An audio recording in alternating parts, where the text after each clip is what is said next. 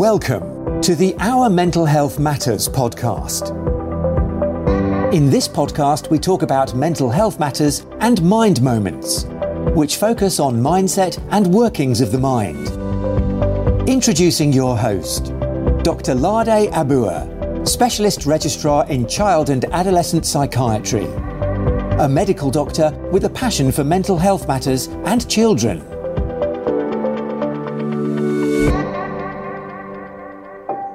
Hi everyone, it's Lade here. Uh, welcome to our Mental Health Matters podcast. I will be talking about anxiety disorders um, and anxiety related disorders. Anxiety disorders are the most common psychiatric disorders. Globally, 1 in 13 people will have some form of anxiety disorder. However, the good news is that anxiety disorders are highly treatable. Anxiety disorders are a group of mental health disorders in which anxiety is evoked or is predominant in certain well-defined situations that are currently not dangerous to the person. So to put that simply, anxiety disorders are associated with inappropriate fear to certain circumstances or stimuli. That is, ordinarily things that won't evoke fear, that won't stimulate fear or make us apprehensive, um, will stimulate fear in someone who's affected by anxiety disorders. And there are several types. Uh, there's generalized anxiety disorder, there's social phobia, there's specific phobia, there's panic disorder. I will talk about these four and just mention the other ones briefly. The others are agoraphobia, separation anxiety, selective mutism. To go on to generalized anxiety disorder, this comes about when there's excessive worry, excessive apprehension about general things, uh, about everyday life. Um, people worry about um, ordinary, they worry about things that shouldn't evoke fear. Um, they worry about work, they worry about school, they worry about family, they worry about finances. And this is not just, you know, the normal day to day worry where you're concerned and you're trying to address situations. This is extreme and excessive uh, anxiety that it preys and stays on the mind continuously and it will occur on more, most days and it will be for a minimum of six months. Now, there are times when things can happen um, and we can have certain situations going on in our lives or in our workplace and we're a bit concerned about that. And you know it occurs on most days and is there for a few weeks. We won't generally say that is generalized anxiety disorder. It has to be persistent in the mind. It has to occur on most days and it has to be for more than six months now, going on to social phobia. What is social phobia? So for social phobia, I have to say, um, some people can think social phobia has to do with shyness. Shyness is completely different from social phobia. Social phobia has to do with extreme apprehension in social situation. Now, this is often seen as, you know, a fear of being the main center of attraction or of other people noticing that they're anxious and that people can tell from their anxious behavior that they're not comfortable. And uh, people who have social phobia can become tongue tied. Uh, you know, when they're in social situations and they have to get up and talk or they're, you know, in a public place, in a public gathering, and somebody talks to them, mm, you know, all eyes and everyone's attention shifts to them, you see them become quite sweaty. and they start to worry about what other people are thinking about them in that setting. Now, there's also the fear of, you know, behaving in an embarrassing or humiliating way. Now, this tends to make people who have social phobia have a complete withdrawal from society. You know, they have a complete withdrawal from social contact. They want to avoid that fear in the first, you know, avoid that fear occurring in the first place. So one, they don't go to public places. They don't go to social gatherings. They don't, they don't go to parties. They don't mix with people because of that fear and because of people being able to tell that they're quite anxious in that setting. Now, they also avoid eating out or going to public toilets or um, a, workplace where they have to be the center of, you know, attention.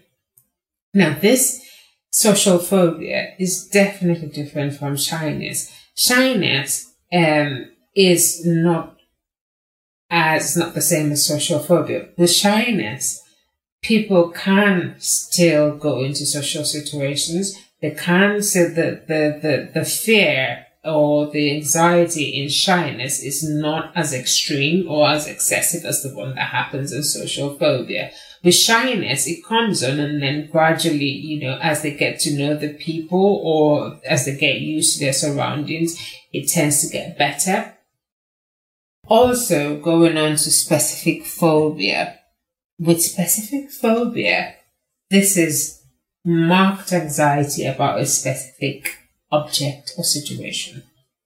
Here, it varies according to the object that's evoking the strong relation, the, the strong emotion for some people it could be the fear of flying, which is like which is called aerophobia, or the fear of spiders, that's called arachnophobia. So this fear, the specific fear is related to just one particular item or one particular object, one particular situation. And with specific phobia, there are about five different categories with that. Now there's the animal phobia, like people who have fear of you know, snakes, or and there's also natural environment phobia. This this is a bit related to people who have fear of height, fear of water, or you know fear of storm, or thunder, or lightning. There's the blood injection injury phobia. That's people who can't stand the sight of blood or people who, you know, get really, really anxious when they see needles. Um, we've heard of people who've fainted at the sight of needles or people who've fainted at the sight of, of, of, of blood. So this, this blood injection injury phobia is that type of phobia.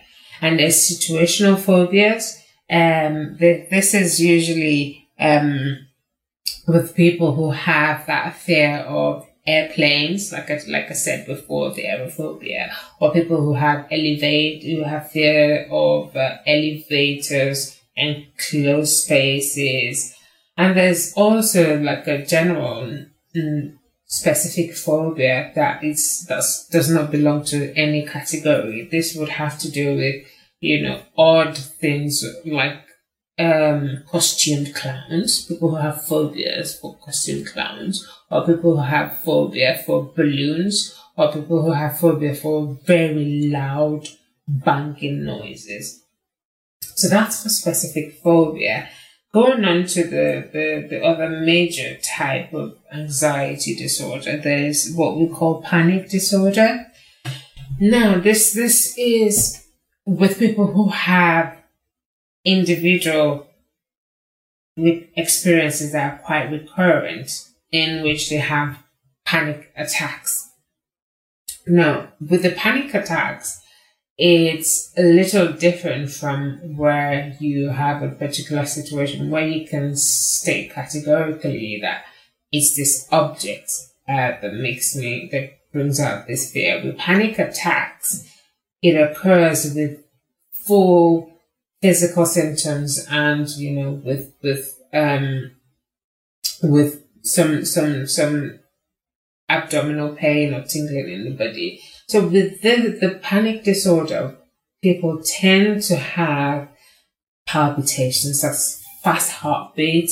They tend to become sweaty. They, you know, become trem- they, they get trembling. They become shaky. They have shortness of breath. They can't take deep breaths. They become really uncomfortable in their chest and can feel quite tight in their chest or they feel like they're choking and they can't take, they can't take a breath or they can't swallow or they have abdominal pain. They can get quite dizzy or feel faint.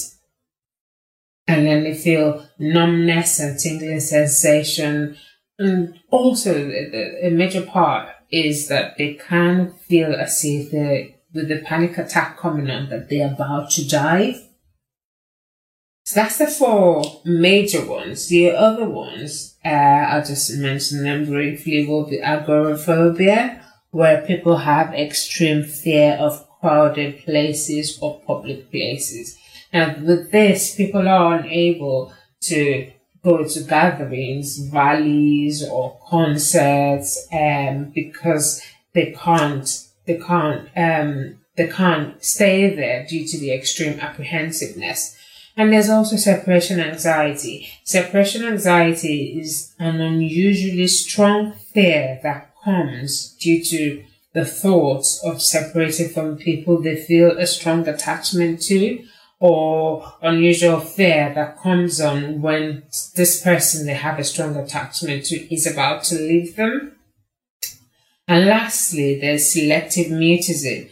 With selective mutism, this is quite, is, is usually seen in children and it occurs when the child will not speak in certain circumstances or situations where they're, they're expected or they are required to speak. Like they can, uh, you know, not talk when they're in school or when they're outside the house and only talk when they're in the house or only talk when they're at school and not talk when they're in the house. So it's limited to, to certain circumstances. So the child talks in one situation or in one place and then doesn't talk in several other places. That is selective mutism. So generally, as I said before, anxiety disorders are highly treatable the treatment is usually based on three different approaches, and that's um, psychological, biological, and social. Now, if we go through the psychological, psychological therapy is a, a very effective way to treat um, anxiety disorders and anxiety related disorders. And there's different types of um, of uh, psychological therapy that can be used. There's like talking therapy, there's behavioral therapy, and these tend to address um, the thoughts around those fears, around the emotions, around the physical, uh, the physical feelings that people, the physical expressions of the fear. Um, there's also graded exposure therapy where you know, the, the people are gradually exposed to what they fear. Um, like an example will be somebody who has fear of crowded places.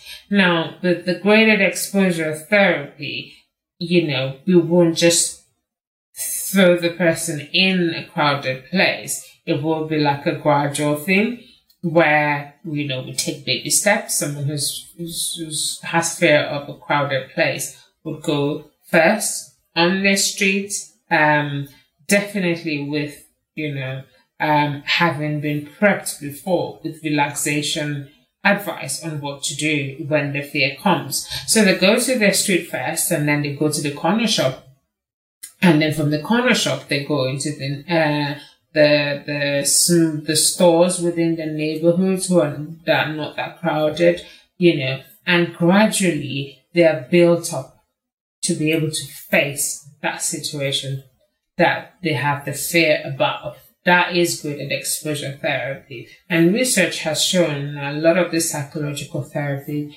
therapies do help people.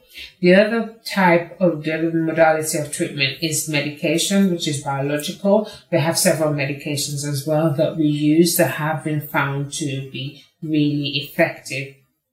And these range from, you know, the ones I use for antidepressant and some that can be used to calm anxiety for short term um, periods um, to help them get the treatments into their system.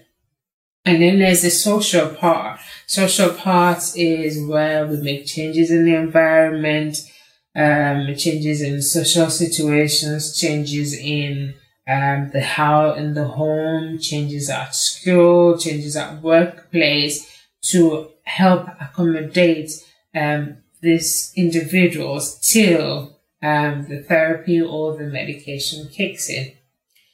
Now, with anxiety disorder being highly treatable, we still have to bear something in mind. People with anxiety readily won't talk about it. The onus is usually on us as clinicians, as loved ones, as family members, friends, spouse, parents, you know, to be able to reach out and help them because they won't ordinarily reach out to us. So a few tips, a few tips on how to help them will be to start by helping to seek helping them to seek help from professionals. Now, once you've noticed this, these things I've talked about, help take them to their GP, to mental health practitioners, or um, um, someone who's essentially trained in dealing with with anxiety and then talk about it with them. As I said before, a lot of people with anxiety won't open up. They won't seek you out. And this is extremely important that they are able, well, we're able to sit with them and let them talk things through. The other thing will be to, to, um, not expect the changes to happen overnight.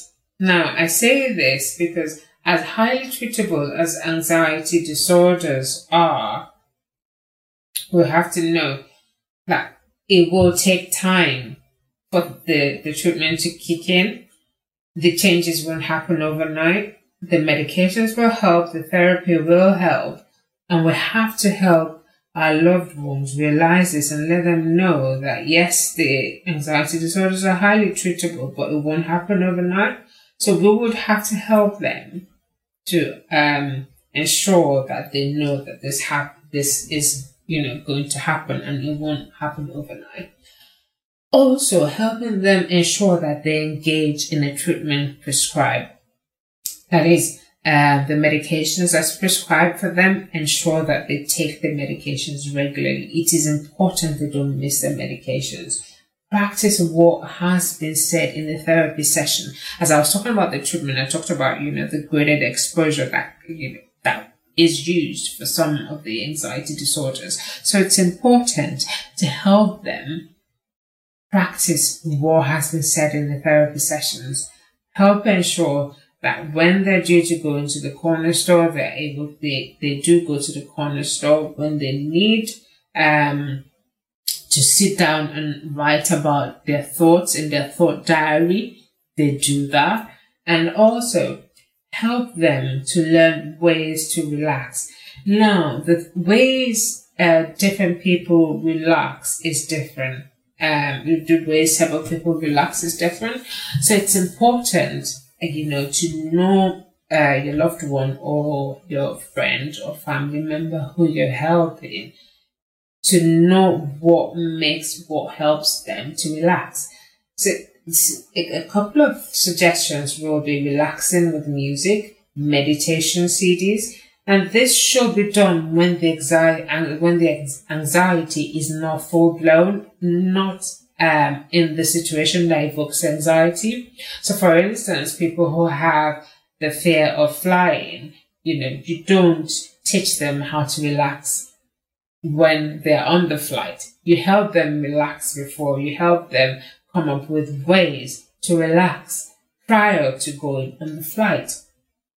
So when they are now faced with that situation, they can practice it because they're familiar with it. And also exercise. Exercise is a very important routine.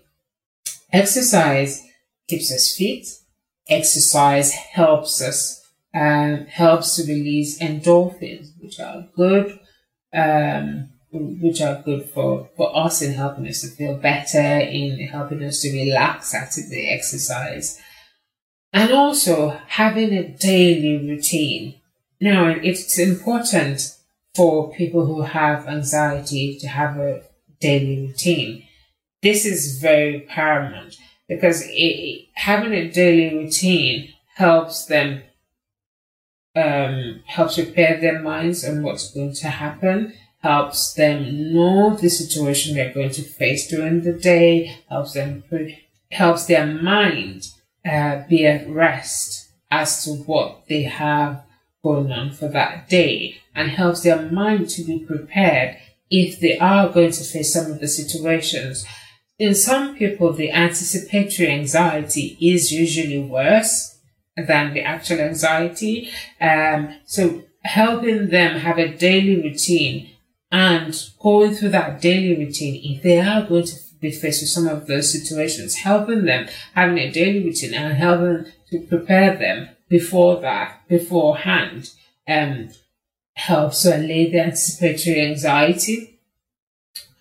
The other good thing is good is, is sleeping habits. The sleeping habits are important.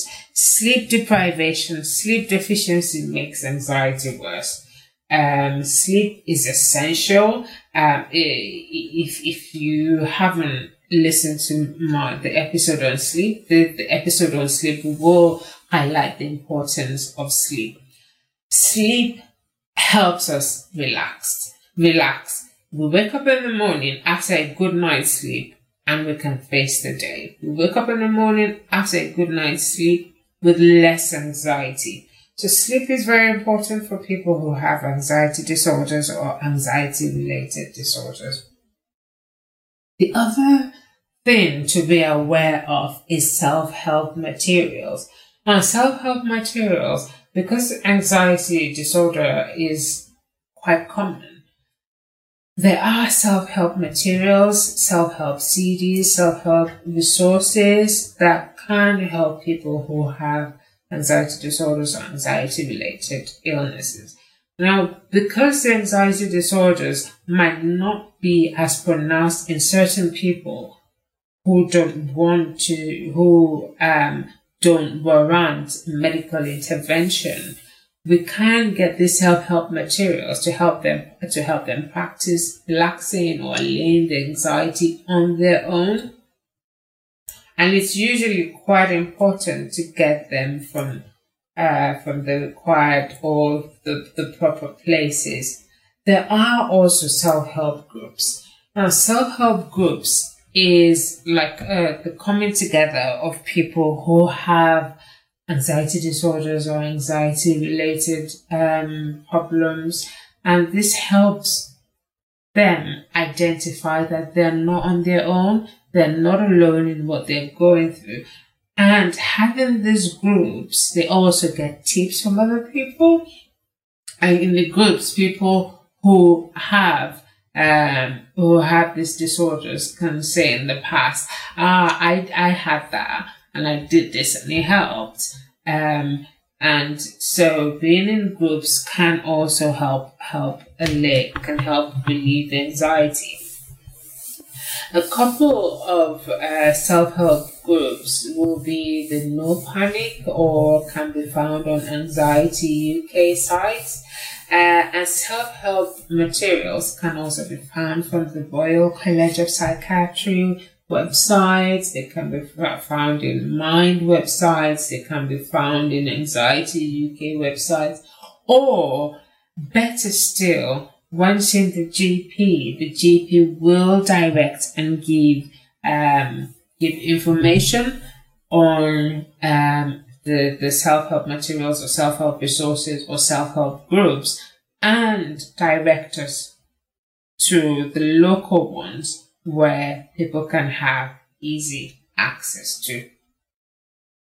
So with anxiety disorders, as I said before, they are highly treatable. And we've seen from research, from practice, that anxiety disorders do get better and people can recover and live a normal life and you know get on with their work and get on with their lives with anxiety disorder. So thank you for listening. Um, this is Lade and this is our mental health podcast. Until next time, goodbye, take care, and remember, empower your life, empower your mind. Thank you. Thanks for listening to the Our Mental Health Matters podcast. You can follow me on Twitter at Omaledamaka. Until next time, empower your mind, empower your life.